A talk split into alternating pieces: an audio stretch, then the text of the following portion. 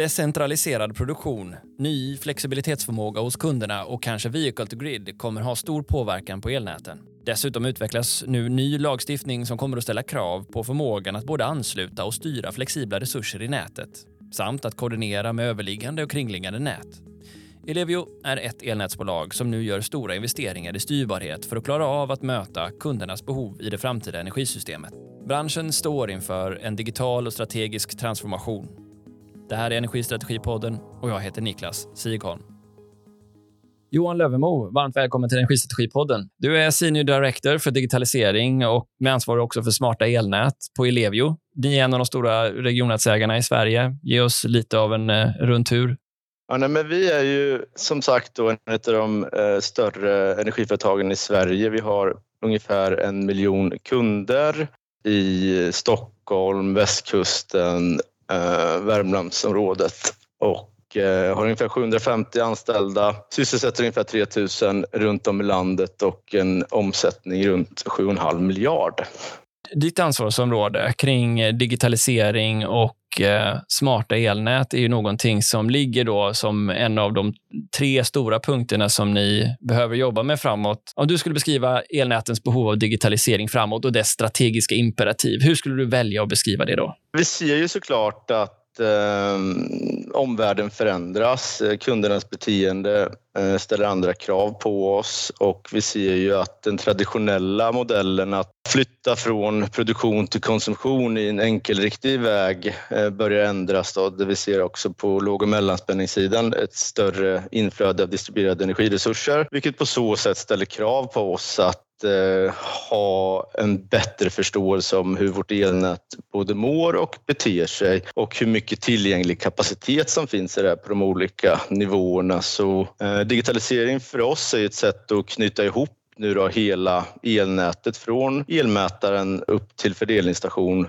genom att vi helt enkelt efterinstallerar ny teknik i befintliga stationer för att helt enkelt då få en digitaliseringstakt som gör att vi kan få, få den koll vi behöver. Det kanske är en uppenbar fråga då, men från eh, ditt perspektiv och ert perspektiv, hur snabbt går den här utvecklingen av introduktionen av decentraliserad, antingen styrbar last eller last som, eh, som eh, innebär en påverkan Eh, på elnäten? Men det går väldigt fort märker vi det är ju inte bara laddinfrastruktur, det är lokal produktion, solenergi som på så sätt eh, ja, men sätter helt andra krav på vår förmåga att ansluta dem till elnätet. Och Eh, det är ju ett väldigt stort inflöde på den typen av aktivitet som, som vi ser och där är också någonting som, som digitaliseringen i sig kommer kunna hjälpa oss mycket med att vi, vi går från analoga arbetssätt egentligen, de manuella processer till automatiserade processer. Vi går från att helt enkelt åka ut i fält och hämta information till att kontinuerligt samla in information då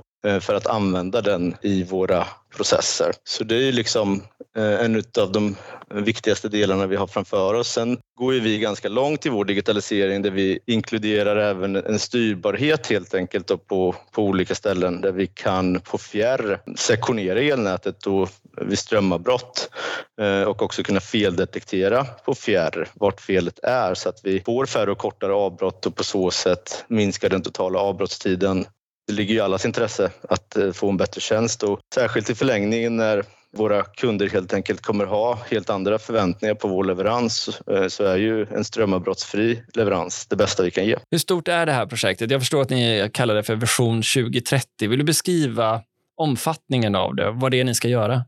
Ja, men det är väl, vad ska man säga, ungefär 2000 nätstationer i Stockholmsområdet som vi börjar med. Själva digitaliseringen då tar ungefär tre, tre och ett halvt år. Parallellt med det så har vi också eh, etablerat en insamlingslösning då för både styrsignaler och analyssignaler som vi eh, då i vårt IT och OT-landskap då eh, integrerar för att också jobba med våra arbetssätt, det vill säga processerna. På toppen av allt det här så har vi utvecklat en analyticsförmåga där vi helt enkelt samkör informationen från både det digitaliserade elnätet men också våra befintliga IT-system och det gör vi för att skapa ny insikt och öka graden automatisering i våra processer. Sammantaget kan man väl säga att själva plattformsdelen av programmet eh, tar ungefär två och ett halvt år för oss. Vi har som plan att det ska vara klart nästa år eh, och och eh, därefter så är det mer en utrullning av tekniken som kommer fortsätta. Så det är ju områden vi har fokuserat på inom integrerade och datadrivna processer, strategiskt fokusområde för oss, automatiserad styrning av elnätet, prediktiv drift och underhåll och att vi ska utöka och förstärka kompetensen i vår organisation då för att kunna ta hand om den här informationen som elnätet genererar. Så allt som allt så är det ungefär 66 heltidspersoner som, som jobbar med det här då från, från vår sida och eh, det kommer ju även bli en hel del på, på entreprenörsdelen i leveransen också. Då, så det är ett ganska omfattande arbete. Du, du nämner 2000 nätstationer bara till att börja med och jag antar att det är väldigt många mer fördelningsstationer då. Ellevio har ungefär 550 fördelningsstationer och någonstans lite över 20 000 nätstationer då, om man ska se till hela Ellevio. Och, eh, vi har valt att börja i Stockholm. Eh, vi har sett att här har vi störst behov av den här lösningen. Vi har också tänkt då att någon gång 2024-25 dra igång det här för Mellansverige. Allt sammantaget så skulle jag väl säga att vi kanske når en digitaliseringsgrad på 60 procent eller någonting av våra totala nätstationer genom den här efterinstallationsaktiviteten och parallellt med det så i våra reinvesteringar så bygger vi ju rätt direkt helt enkelt och i takt med att vi eh, föryngrar vårt elnät så kommer också den totala andelen digitaliserade stationer öka. Vad var utgångspunkten här, eh, liksom nuläget ni kom ifrån? För jag antar att det fanns olika vägar att ta här. Eh, varför göra ett sånt här clean slate och bygga liksom en ny homogen digital plattform kontra att kanske sy ihop de olika system som redan nu finns på plats? För jag antar att de är flera olika givet när och var och hur fördelnings och nätstationerna är utbyggda. Ja, till att börja med så har vi ju en analog situation på låg och mellanspänningsnätet, det vill säga där vi har våra nätstationer. Så att de är ju i stor utsträckning inte möjliga att kommunicera med eller på annat sätt få information ifrån. Så det var ju en ganska, vad ska man säga, en tom, en tom del för oss. Vi hade ju smarta elmätare sedan länge och man kan dra mycket slutsatser utifrån informationen som de genererar. Men just låg och mellanspänningsnätet var ju syftet att sänka den totala avbrottstiden, det vill säga Eh, ge oss möjligheten att sektionera och feldetektera för att undvika dagens arbetssätt där vi måste göra fler kunder än nödvändigt strömlösa baserat på så som elnätet är byggt eh, och att vi då måste åka och leta vart felet är istället för att vi vet vart det är direkt. Och I Stockholms innerstad och annat så kan det vara ganska mycket trafik och andra situationer som gör att den här felsökningstiden blir onödigt lång.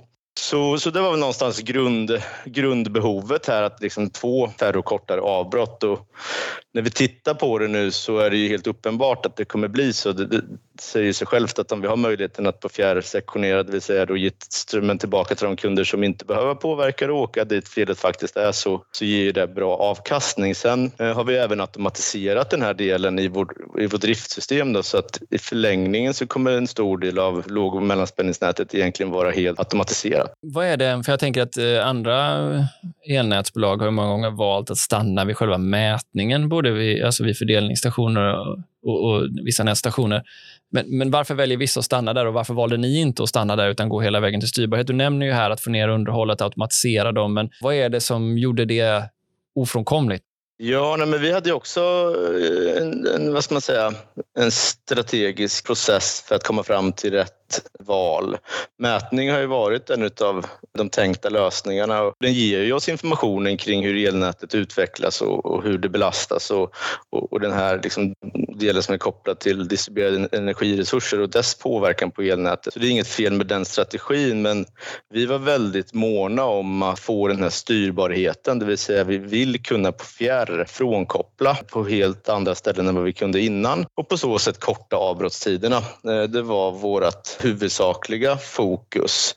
Sen i tillägg till det så är det ju såklart all den information som elnätet genererar. Det kommer ju ge oss väldigt stor nytta för att helt enkelt ta hävstång i den potentialen. Så för mig är det lite sådär att i en första generations digitalisering så är det alltid något grundläggande eh, och mest uppenbart eh, man strävar efter och det finns en risk att man inte tar höjd för liksom allt annat som, som på något sätt eh, ges möjlighet till. Då, så att det här med att effektivt nyttja mätdatan, det är för mig lite av en baby för att ja, jag kommer från, från smarta elmätarhållet och det är lätt att få en hög automatisering i en faktureringsprocess men det är svårare att samköra informationen som elmätaren genererar för att dra helt nya slutsatser. Så där ser jag en stor potential att vi kommer kunna använda det här till våra kunders eh, fördel. För det är det som är så fint tycker jag nu med, med det digitaliserade elnätet att mycket av det vi gör, gör vi för kunderna.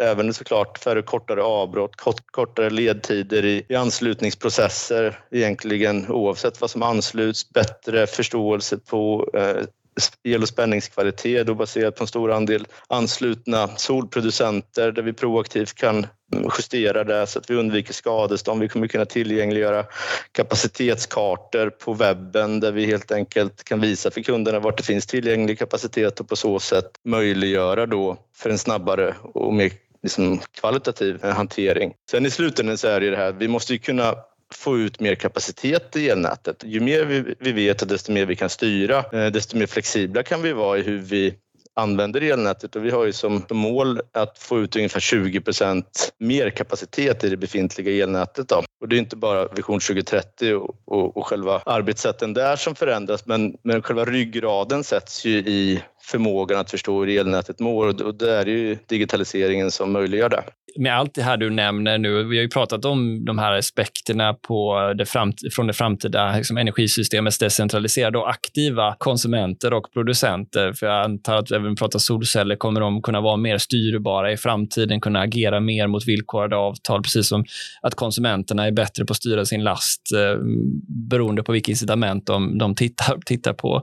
Det låter som att allt det där och all den förmågan att hantera den komplexiteten ändå bottnar i att ni gör den här stora satsningen nu? Om det hänger ihop idag så kommer det hänga ihop ännu mer i framtiden och eh, det är väl viktigt att på något sätt förstå det. Hur de här processerna kommer bli integrerade på ett helt annat sätt och mycket som är kopplat till, till de här sakerna som ja, men, flaskhalshantering, eh, bättre prognoshantering, integration av flexmarknader, nya typer av eh, avtal eller, eller prismodeller.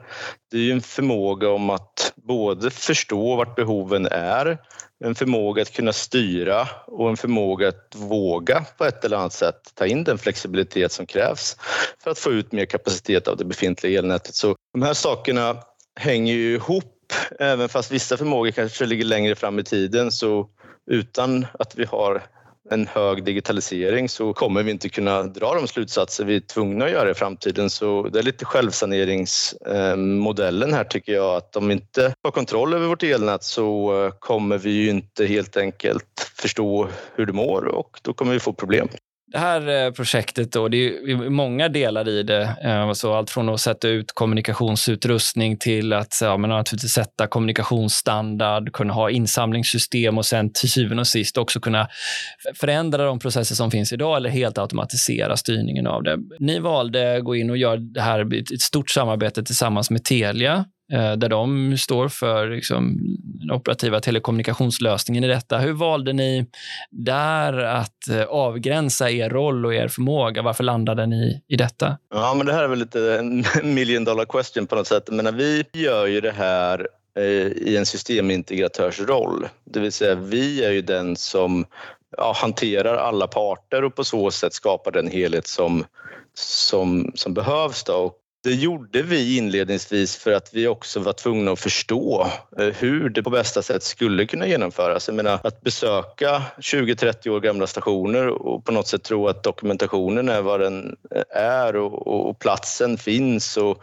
you name it. Eh, alla grejer som på något sätt verkligheten bidrar med, det är ju sånt som vi har spenderat ungefär ett och ett halvt år i nu och på så sätt gjort det möjligt för oss att renodla sourcingstrategin en del och även flytta ansvarsgränserna till ja, de lämpliga platserna. Min grundläggande inställning är att rätt sak ska vara på rätt plats och ska kunna hanteras av den part som gör det bäst helt enkelt. Det korta svaret är väl egentligen att vi var tvungna att lära oss hur det här på bästa sätt borde vara. Det resulterade i att vi gjorde i princip allt själva.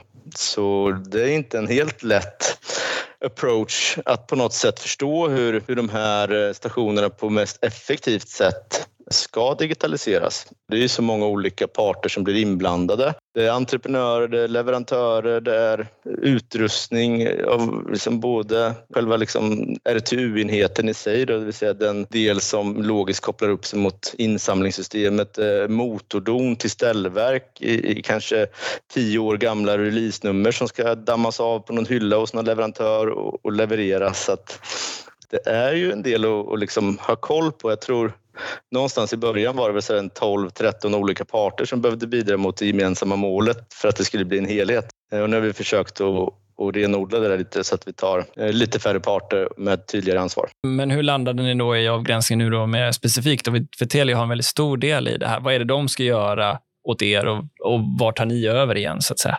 Men Telia tillhandahåller ju själva kommunikations utrustningen, då, både den fysiska sådana på plats i fält men också eh, den centrala plattformen för att hantera det kommunikationsnätverk som vi egentligen bygger upp nu samt då tillhandahålla konnektiviteten mellan station och centralsystem. Så hela kommunikationsnätverket ligger ju hos Telia där vi då tillsammans med dem nu sätter designen för hur det på bästa sätt ska byggas och sen är ju tanken att vi ska ta över eh, det här och drifta det själva då med den OT-organisation som vi också bygger upp nu samtidigt som vi både rullar ut ett nytt kommunikationsnätverk men också digitaliserar våra anläggningar. Så det kommer att bli mycket OT-nära förmåga att både hantera själva valet av teknisk lösning eh, löpande men också upprätthålla den konnektivitet som behövs mellan station och centralsystem och den kvalitet på signalerna då som kommer måste vi också kunna vara säkra på håller den kvalitet som, som vi behöver för att antingen då styra vårt elnät eller använda i olika analyssammanhang då baserat på de användarfall som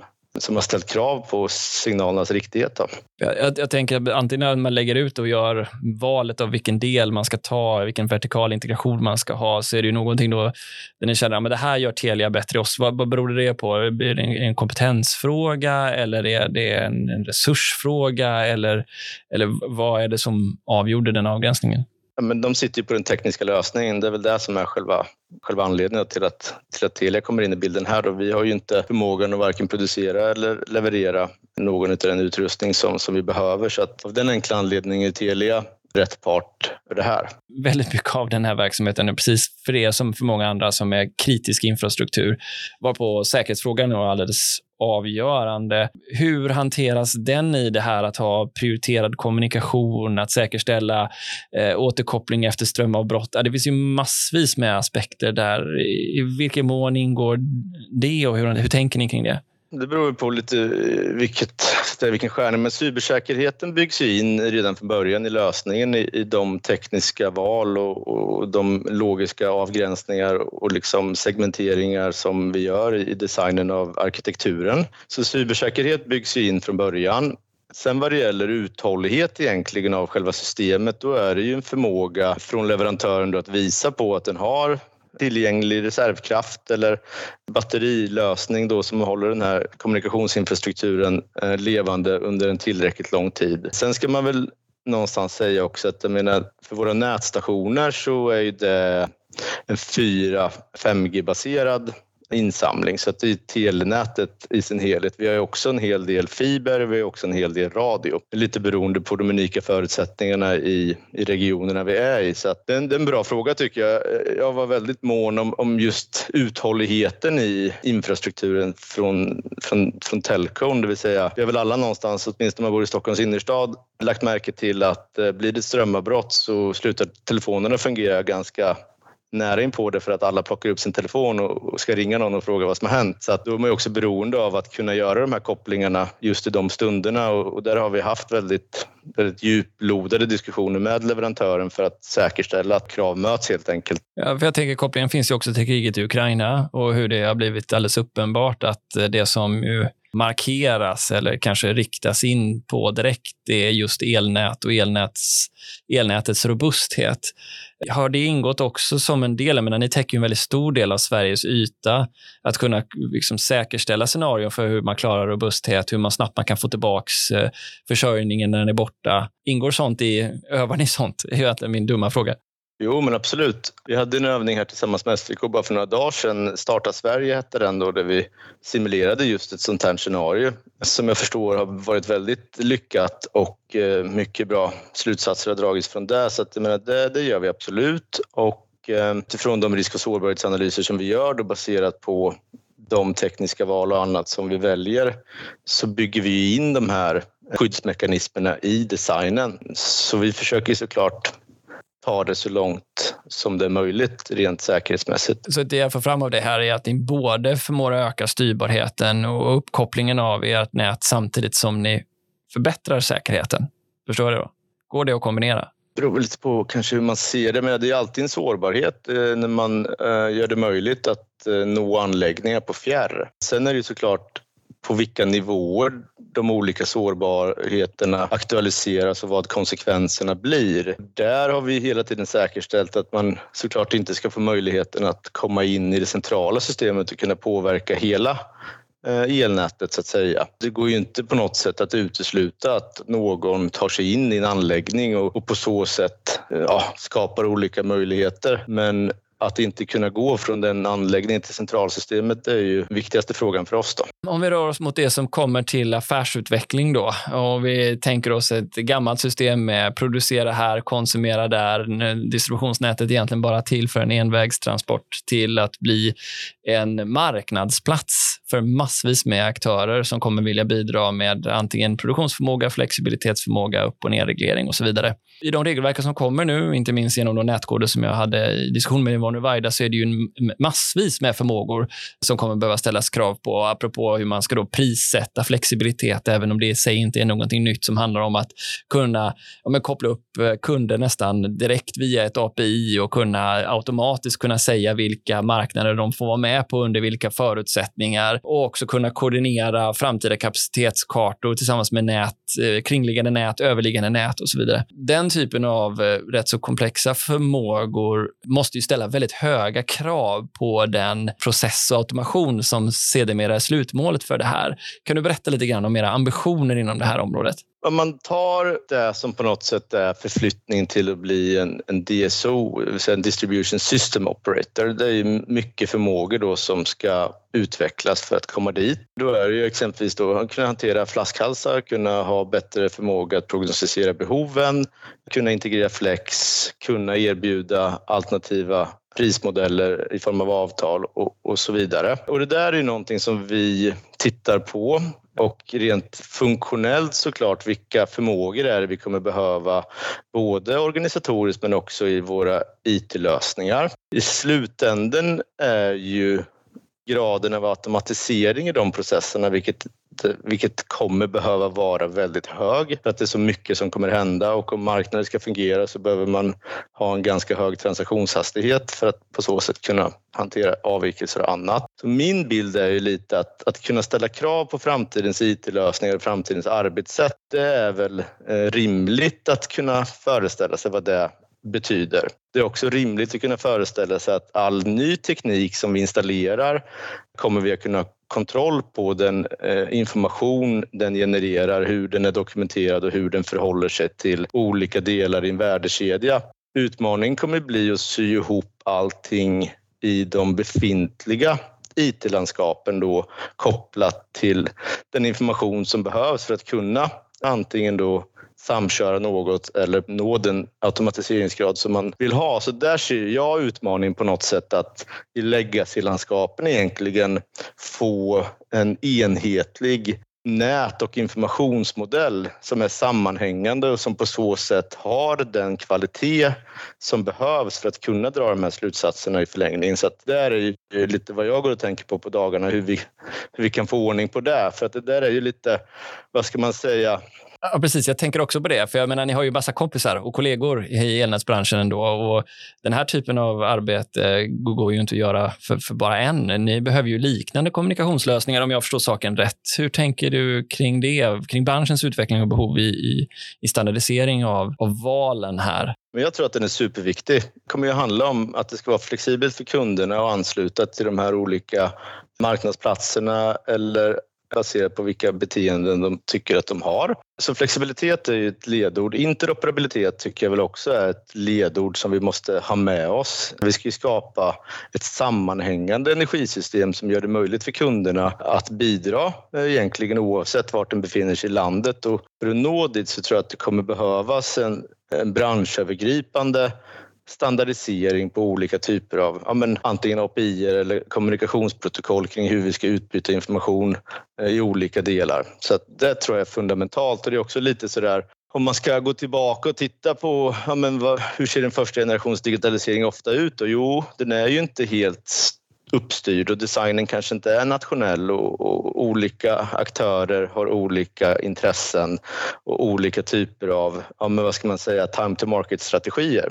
Vilket leder till att man får ganska många spretiga varianter på samma sak. Som med första generationens elmätare? Ja, det är ett typexempel där man hade ungefär lika många kommunikationslösningar som man hade elmätarleverantörer och lika många system för att hantera dem eh, som det var mätarleverantörer. Så att eh, det där ledde ju till en, en, harmonisering och en standardisering, i varje fall på Europanivå men, men även globalt skulle jag vilja säga. Och, och då, då, skapar man ju möjligheten att både undvika att, att man gör olika tekniska val som blir inlåsningseffekten och sen har man inte möjligheten att vare sig då få skalbarhet på de centrala lösningar man har valt eh, och heller inte på något sätt gör sig kompatibla med med andra lösningar. Så det där är lite viktigt och eh, jag tror vi har mer att göra där ur ett nationellt perspektiv då för att få de här spelreglerna för det kommer ju gynna alla. Jag menar, om vi sätter lite vägledande principer och riktlinjer för hur det här ska ske då blir det ju lättare för, för alla på något sätt att förhålla sig till dem och då kan vi också skapa en standardisering gentemot Sverige som gör det enklare för leverantörer och på så sätt kunna ha lösningar liksom redo när vi behöver dem snarare än att vi behöver utveckla allting när vi kravställer det så att säga. Det låter som att arbetsgruppen AG Flex på Energiföretagen har en eh, hel del jobb att göra här tillsammans med Energimarknadsinspektionen alltså. Jag tror att det kan vara en bra idé att försöka få lite mer fokus på de grejerna för att det där kommer bita en i svansen sen och eh,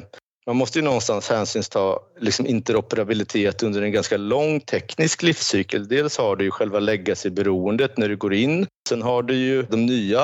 Eh, man kan ju inte stanna utvecklingen så det kommer ju ske en utveckling parallellt under den här kanske 15-åriga livscykeln som, som vissa av de här anläggningarna har. Där man också måste säkerställa interoperabilitet på slutet av den tekniska livslängden. Så, så det där tror jag är lite viktigt för ha den här förvaltningsbarheten av lösningen över tid är lite A och O i min värld. Vi tar något enkelt exempel här nu då. Så ni som DSOer ska då med kommande lagkrav ha förmågan att avropa, helst genom ett standardiserat API, så att det är enkelt för mig som konsument. Eh, det kopplar upp mina flexibla resurser mot er och även ha förmågan att begränsa mig, alltså kunna säga att ja, men vi har vissa spänningsrelaterade problem eller annat som gör att vi lägger in de här begränsningarna för FCR-handel eller eh, FRR-handel.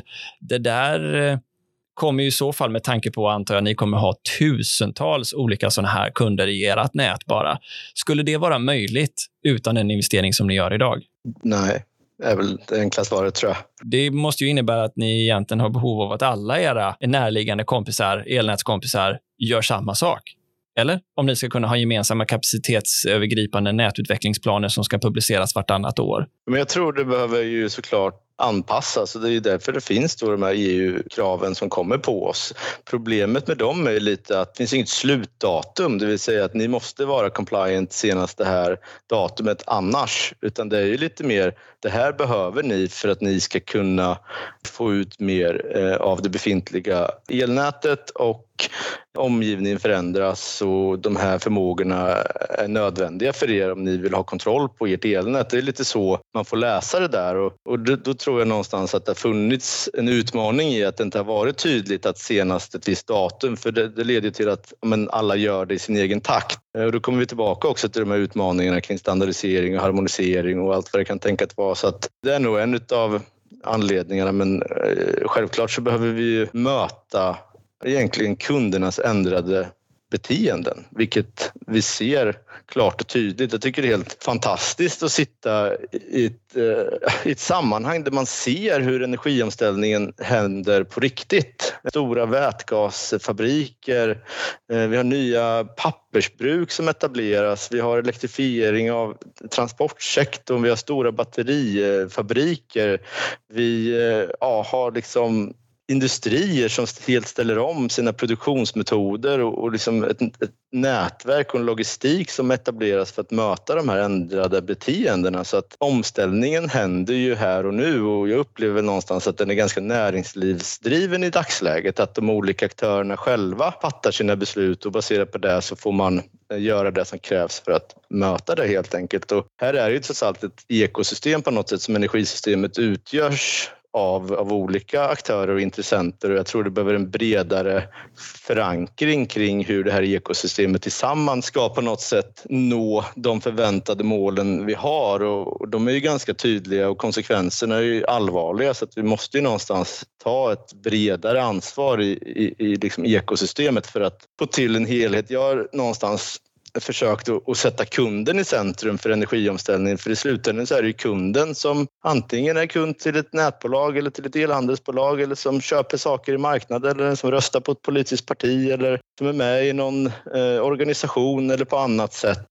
påverkar oss och det är där jag tror vi har vår gemensamma nämnare. Om vi alla kan någonstans utgå från kunden, då borde vi kunna hitta lösningar som gör det bättre för kunden. Det är väl lite min, min, eh, min tanke på det hela i varje fall. Och sen ser jag att det sker ju jättemycket förbättringar i de här delarna och, och historiskt sett så har man väl kanske varit mer inåtblickande och så vidare. Men det är ju mer saker som måste komma till och eh, jag tror bara en sån enkel sak som digitalisering kommer underlätta det också för att helt plötsligt så gör man information tillgänglig på ett helt annat sätt. Man kan dela den med andra som eh, kan utveckla sina affärsmodeller och man bygger in förväntningar i det här som på så sätt också utvecklar oss men branschen som helhet och utan ett effektivt nyttjande av den informationen så är det ju lite onödigt på något sätt att och liksom sätta den på plats till att börja med. Man tar ett ansvar i det här att om man nu eh, gör den här typen av förändring så måste man ju använda den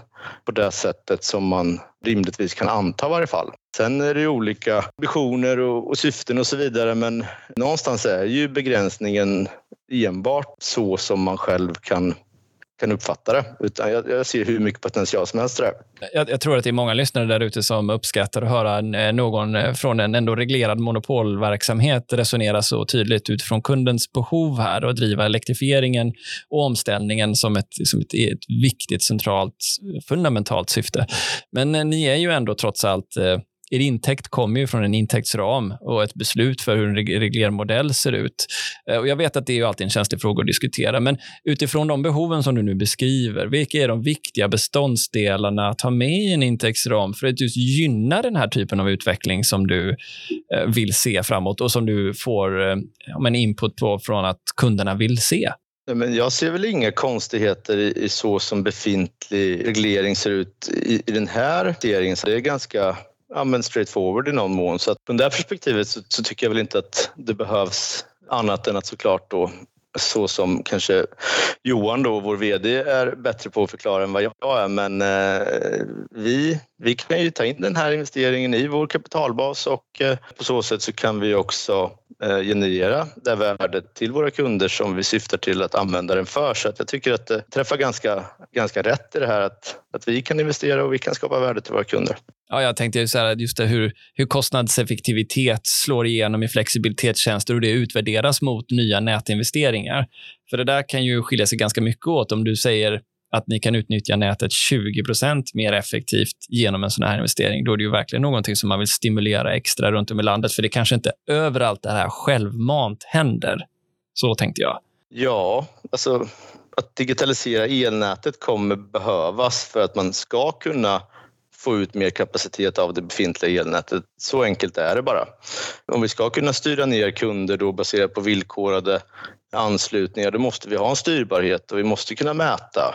För att kunna integrera flexmarknader så måste vi ju förstå hur de påverkar elnätet och på så sätt förbättra vår möjlighet att få ut mer kapacitet. det är väl mer så jag ser det att, att digitaliseringen i sig kommer ju vara den minsta gemensamma nämnaren för många andra viktiga förmågor som vi behöver både utveckla och etablera. Hur långt bort tror du det är då, om jag är en eh, industri Eh, som har valt att investera i flexibilitetslösningar, både solceller på taket och batteriladdning i källan och kanske också ett, eh, ett bra aggregeringsavtal på mina transporter. Och hur lång tid är det innan jag eh, kan koppla upp enkelt med ett API till er och få automatisk styrning från er också för både maximera min möjlighet att vara med på nationella eh, flexibilitetsmarknader men så också vara med i en lokal sådan som ni är med och styr? Alltså, jag tror väl inte att man kopplar upp sig mot elever i första fall utan man kopplar väl upp sig mot en marknadsplats som på så sätt vi har en integration till på ett eller annat sätt och sen utgör det någon form av helhet. Däremot så flex för mig är ju ja, men en, en superviktig resurs som, som man ser såklart lite olika varianter på. Men jag tror ju någonstans att när vi kommer till de här sakerna som vehicle to grid och vi har en möjlighet att faktiskt ha någon form av arbitrage-situation eh, kopplat till, till affärsmodellen, då kommer det väl på något sätt få fart. Sen är jag väl inte expert på flex så, men flexen kommer ju behövas där Eh, kapaciteten behövs. Och på så sätt så behöver det ju finnas en relevant marknad i den region eller den del där det nätet behöver det. Så det där är lite utmanande på något sätt att förstå hur mycket och var till vilka ändamål. Det var det jag tänkte ni skulle veta. Eh, sådär. Ja, men det, det, det är ju liksom, som sagt, jag, jag är väl inte expert på det, men jag har ändå funderat lite på det där och någonstans är det ju, tror jag, när det blir allmängiltigt att delta på de här marknaderna och tillräckligt mycket resurser finns på liksom förutsägbara sätt. Och då kommer vi kunna ha en fungerande flexmarknad som på riktigt ger värde in i energisystemet. Det är väl min bild. Och jag tror ju även här det behöver ske lite, lite förändringar kopplat till, ja, men kan vi ha en vehicle to grid situation? Hur många biltillverkare tillåter att man använder batteriet på det här sättet utan att garantin bryts och så vidare. Alternativt hur kan vi få då en marknad att göra det lönsamt för kunderna att då ha den risken som det innebär mot livslängden på sin bil för att de ser att helheten betyder att de kan återinvestera i ett nytt batteri eller vad de nu behöver göra för att fortsätta köra sin bil. Så att, ja, det där är en spännande fråga. Ja, det ska sägas också för tydligheten. Är, du har ju helt rätt i att den här typen av marknader ska vara icke-diskriminerande. Alltså det, det, vi kommer att ha en separering mellan eh, liksom elnätsbolagen och själva marknadsplatserna. Men då att man skulle kunna få det här eh, per automatik. För det, det kräver bara så, så många tusentals miljontals beslut som sker frekvent, många, många, många gånger per dag. Det, det är någonting helt annat. Jag ser framför mig eh, med kontrollrummen. Eh, hur, hur kommer de att se ut? Vad kommer man att fatta beslut om? Eh, eh, jag ser behov av prognoser som sträcker sig mycket längre och som är mycket mer detaljerade, exakta. Riskhantering som en, som en ny arbetsform i kontrollrummen. Jag ser massa med förändringar där. Håller du med om det? Eller vad ser du? Ja, men det är verkligen. Anders Ekberg, och vår driftchef, han, han funderar på de här sakerna as we speak och, och mycket av de här förmågorna kommer att ligga i driftcentralen. Och, och, han brukar uttrycka det som att ja, men om man tänker sig en modern flygledning eh, är väl lite framtidens driftcentral och givet att det är en sån hög grad automatisering så är det ju de komplexa avvikelserna som man måste hantera manuellt och då kommer man behöva helt andra kompetenser för just de riktigt svåra grejerna. Det är en omställning utan dess like kan man väl nästan säga eh, kring hur vi kommer behöva drifta vårt elnät i framtiden. Och, och i slutändan så ska ju allt hänga ihop. Det är det som är grejen, att det, det är ju inte något värt att sätta nya förmågor på plats om man inte får helheten att funka och, och man förstår lite vilka begränsande faktorer som på något sätt behöver hanteras i tid för att få det här på plats. Och i, I vår värld så är väl vår tanke någonstans runt 28-29 där och ha framtidens driftsystem på plats då med en hög grad automatisering och integrerade och datadrivna processer. För det är också det som är eh, det fina med det hela, att med den ökade förståelsen kring hur saker och ting mår och de händelser som sker så kommer man ju kunna ha mycket feedback-loopar in i befintliga arbetssätt som gör det möjligt för oss att eh, undvika fel eller avhjälpa fel snabbare eller på annat sätt förbättra kvaliteten i vår leverans. Så jag ser ju att det är superspännande på något sätt att jobba med de här grejerna och Eh, den omställning som sker nu är lite som, som IT var på 90-talet nästan. Om man ser till energisystemets utveckling och, och den verklighet vi lever i. Då. Nästan som att eh, elnäten behöver bli IT-bolag i högre utsträckning också, eller? Ja, det är ju helt andra förväntningar. Vi har ju tagit det här med analys väldigt långt eh, för att kunna förstå potentialen i, i informationen. Och det är lite olika nivåer på analys om man säger så. Det ena är ju att bara enkelt visualisera, så här ser det ut och då kan man dra slutsatser. Man kan ha förbättrad planering eller vad det nu må vara. Man kan visualisera och ha någon form av beräkning i botten, någon form av logik eller algoritm som på så sätt eh, skapar ny information och man kan ha de första samt en hög grad automatisering när automatiseringen är någonting som behöver ligga nära i källsystemen för det är där processerna drivs. Så då måste man också förstå hur de här sakerna ska fungera tillsammans och vilka insikter som ska ändra vilka arbetssätt och på så sätt flytta organisationen i den riktning man, man behöver gå då baserat på de mest grundläggande grejerna men också de specifika förutsättningarna för den strategi man har valt. Man förstår ju när du beskriver det här att eh, era behov av att växa på OT-sidan blir eh, uppenbara eh, för att skapa hela den här styr och reglerförmågan.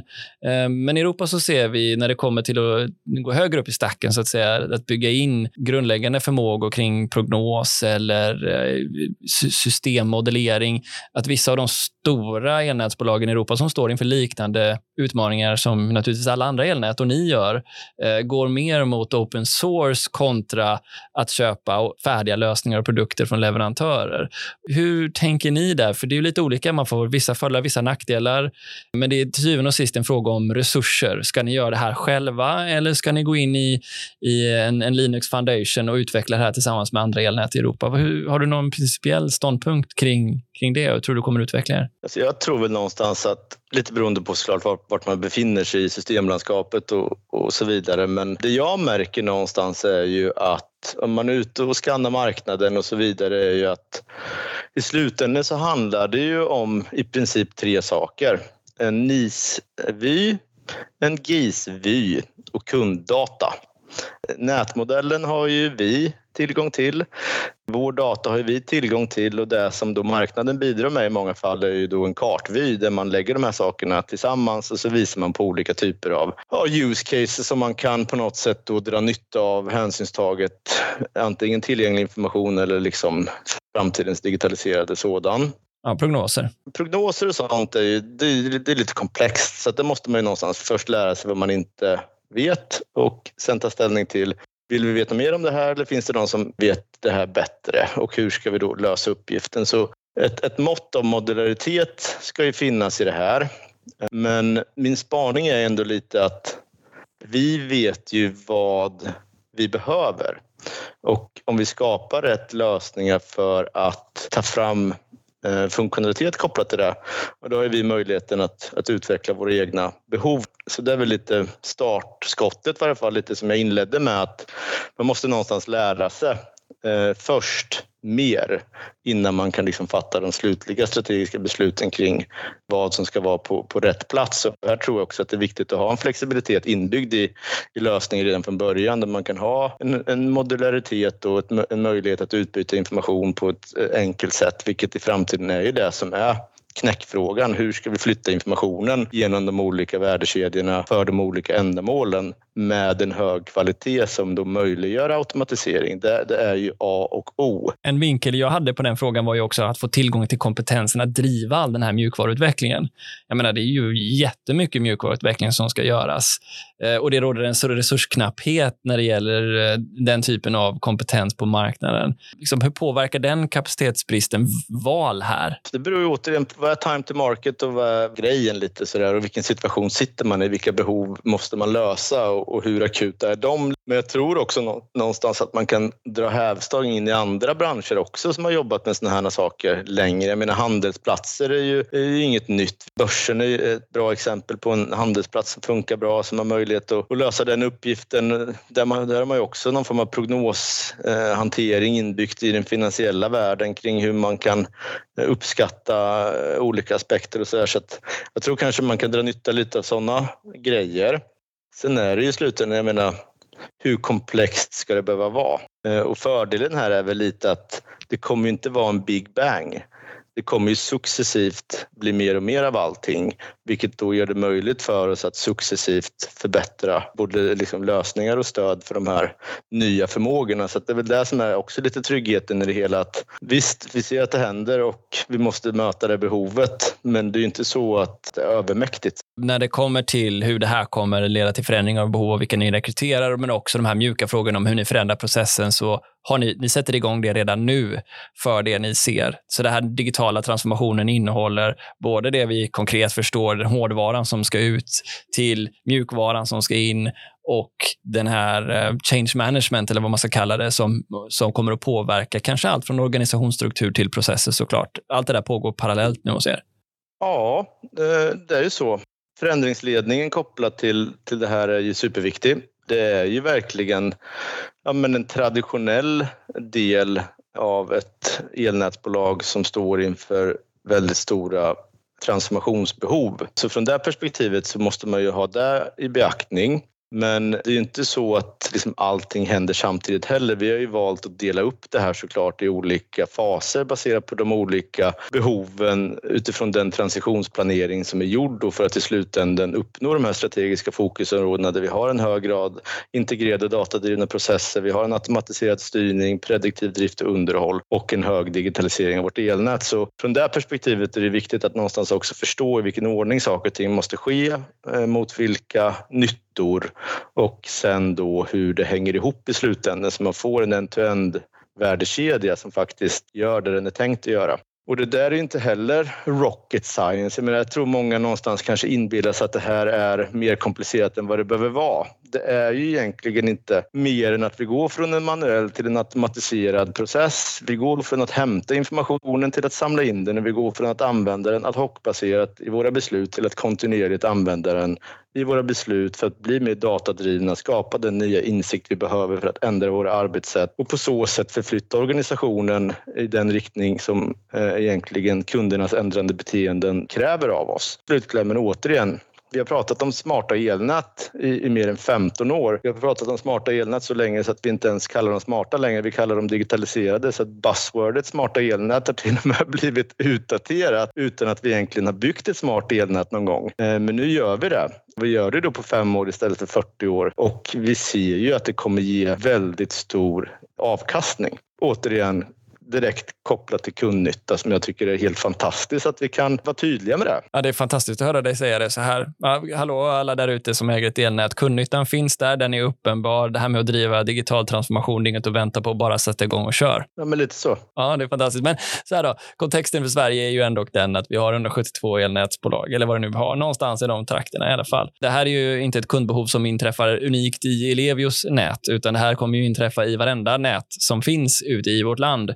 Och Då fick man ju önska för alla våra kunder där ute att alla elnätsbolagen sätter igång med det här i samma typ av tempo har det gjort i alla fall innan 2030 då den här efterfrågan som du beskriver redan har kommit igång. Eh, då förmodligen har exploderat för att kunna frigöra kapacitet i nätet för att kunna tillhandahålla kundens behov och önskemål om flexibilitet tillhandahålla effekt till nya investeringar och så vidare. Vad är din appell här nu då? Vad, vad, hade jag, vad ska jag tänka på om jag inte har 8000 mil eh, eh, elnät utan 80 och en väsentligen mycket mindre organisation och kanske inte kan mustra upp 66 personer som sitter och jobbar med ett sånt här eh, rätt så omfattande program. Hur ska man tänka? Ja, men vad är det för nyttor man vill eh, skapa? Eh, vad, är det grundläggande, vad är den grundläggande anledningen? Vilka problem eller vilka utmaningar vill man faktiskt lösa med det här? Och sen förstå lite vart kommer de uppenbara sig. Och sen är det ju, jag menar, i ett mindre bolag kan man ju köra små piloter om man vill det, testa teknisk utrustning för, för olika ändamål. Man behöver ju inte ha hela konceptet klart för sig redan från början. Det här är ett lärande. Jag har någonstans vid olika tillfällen kallat det här lite av ett äventyr faktiskt. Det är så mycket olika aspekter som blir en del av verkligheten. Det är inte förrän man börjar öppna dörrarna där ute som man faktiskt förstår vad det är. Så att någonstans är det ju att liksom börja, börja förstå Eh, vad man kan göra med den infrastruktur man har, förstå hur man kan använda de befintliga systemlandskapen, kanske höra efter lite hos leverantörerna av, av olika IT-lösningar, vilka moduler eller funktioner kan tilläggas till den befintliga installationen? Hur kan vi bredda den här eh, diskussionen med fler parter är väl någonstans där man kan börja med på något sätt för att skapa sig en bättre bild och och alla tror jag någonstans vill ju gå åt det här hållet. Det märker man ju när man är ute i marknaden och så vidare. Och Sverige är ju ofta en föregångare. Det är det som är lite lattjo i det här, att vi anses ju som pioneer i många saker kopplat till de här grejerna. Och det var någon som frågade, men varför är det så? Ja, eh, jag hade väl inget bättre svar än att liksom, men vi brukar liksom eh, vara compliant med de eh, lagkrav och andra regleringar som gäller och av den anledningen så är vi alltid före medan andra tar fram sina eh, unika avvikelser här och där och försöker liksom på något sätt undvika att sätta de här grejerna i, i verkligheten. Då. Men om jag vänder på det då. Det finns ju, ligger ju farans riktning att alla inte kommer orka mäkta med och komma igång med så här, utan kommer faktiskt vara kvar i den situationen ni är nu, även om även 2030. Vad är risken för de bolagen som du ser det? Vad är, vad är risken att stå kvar? Någon har sagt att man kommer bli överkörd av sitt eget elnät. Jag vet inte, det kanske kan vara en verklighet man helst vill undvika. Jag vet inte heller hur det här i förlängningen kan få olika typer av konsekvenser. Man kan ju titta lite i Europa hur olika bolag har fått Eh, ja, men ändra sin leveransmodell alternativt blivit av med sin leveransmodell. Man tar Vattenfall i, i Tyskland exempelvis då, och så vidare. Det vet man inte hur, hur det kommer påverka men jag tror ju att elnätet är ju en central del i energiomställningen. Utan förmågan att kunna tillgängliggöra den energi som behövs så kommer vi inte nå våra mål och, och då är det viktigt att, att man någonstans förstår hur man vill hjälpa till att lösa uppgiften snarare än att undvika att, att ta i den. Då. Om jag kommer tillbaka till dig om eh, ja, men 2030 då och frågar dig hur har det gått med det här? Vad säger du till mig då? Vad har ni lyckats med? Det är det som är grejen. Alltså. Jag har på något sätt så här, eh, föreställt mig, okej, okay, men om, om jag ställer mig om 15 år och någon frågar mig så här, vad gör ni med det här digitaliserade elnätet och jag säger sektionera och feldetekterar. Och då har vi misslyckats fullständigt kan man väl säga.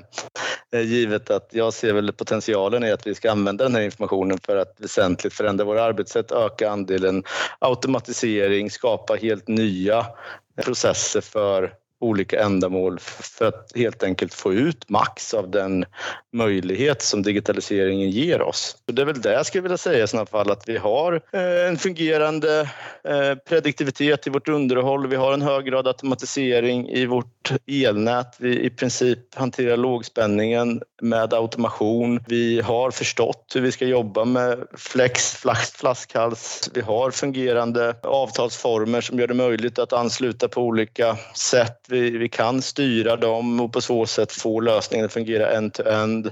Vi har aktivt bidragit till en ökad harmonisering i Sverige och på så sätt gått all in på vad det här kan ge. Det är lite den, den ambitionen jag har på mig själv och Eh, såklart, det här är ju någonting som måste tas i den takt som, som man är mogen för det och här ser vi såklart återigen förändringsledningen som en superviktig del i det hela. Det är inte lätt att förklara för alla vad framtiden skulle kunna vara och sen relatera till vad man behöver göra för att ta sig dit. Men det vi märker är ju att ju fler saker som görs, görs möjligt desto mer intresse väcks och snöbollen börjar rulla i rätt riktning kan jag tycka. Och i min värld är det lite som att okej, okay, vi har ju varit ja men, ja men, uppdelade på olika sätt i ett bolag och så vidare. Men nu blir elnätet mer en gemensam helhet och jag tror att det kommer också göra att vi kan arbeta bättre tvärfunktionellt. Vi kommer kunna dela information på ett helt annat sätt. Vi kommer kunna hjälpa varann genom kunskapsdelning och kunskapsöverföring på, på helt andra sätt än vad vi har,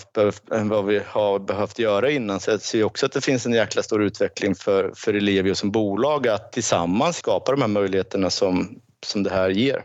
Det var inte en så liten eh, ambition, eh, Johan. Det var ju en alldeles underbar ambition. Eh, jag får bara tacka så hemskt mycket för att du tog dig tid att vara med i Energistrategipodden och önskar dig all lycka till med att skapa den här möjligheten för, för våra kunder där ute att kunna vara med med sina resurser i nätet och ha ett stabilt, robust elnät framåt.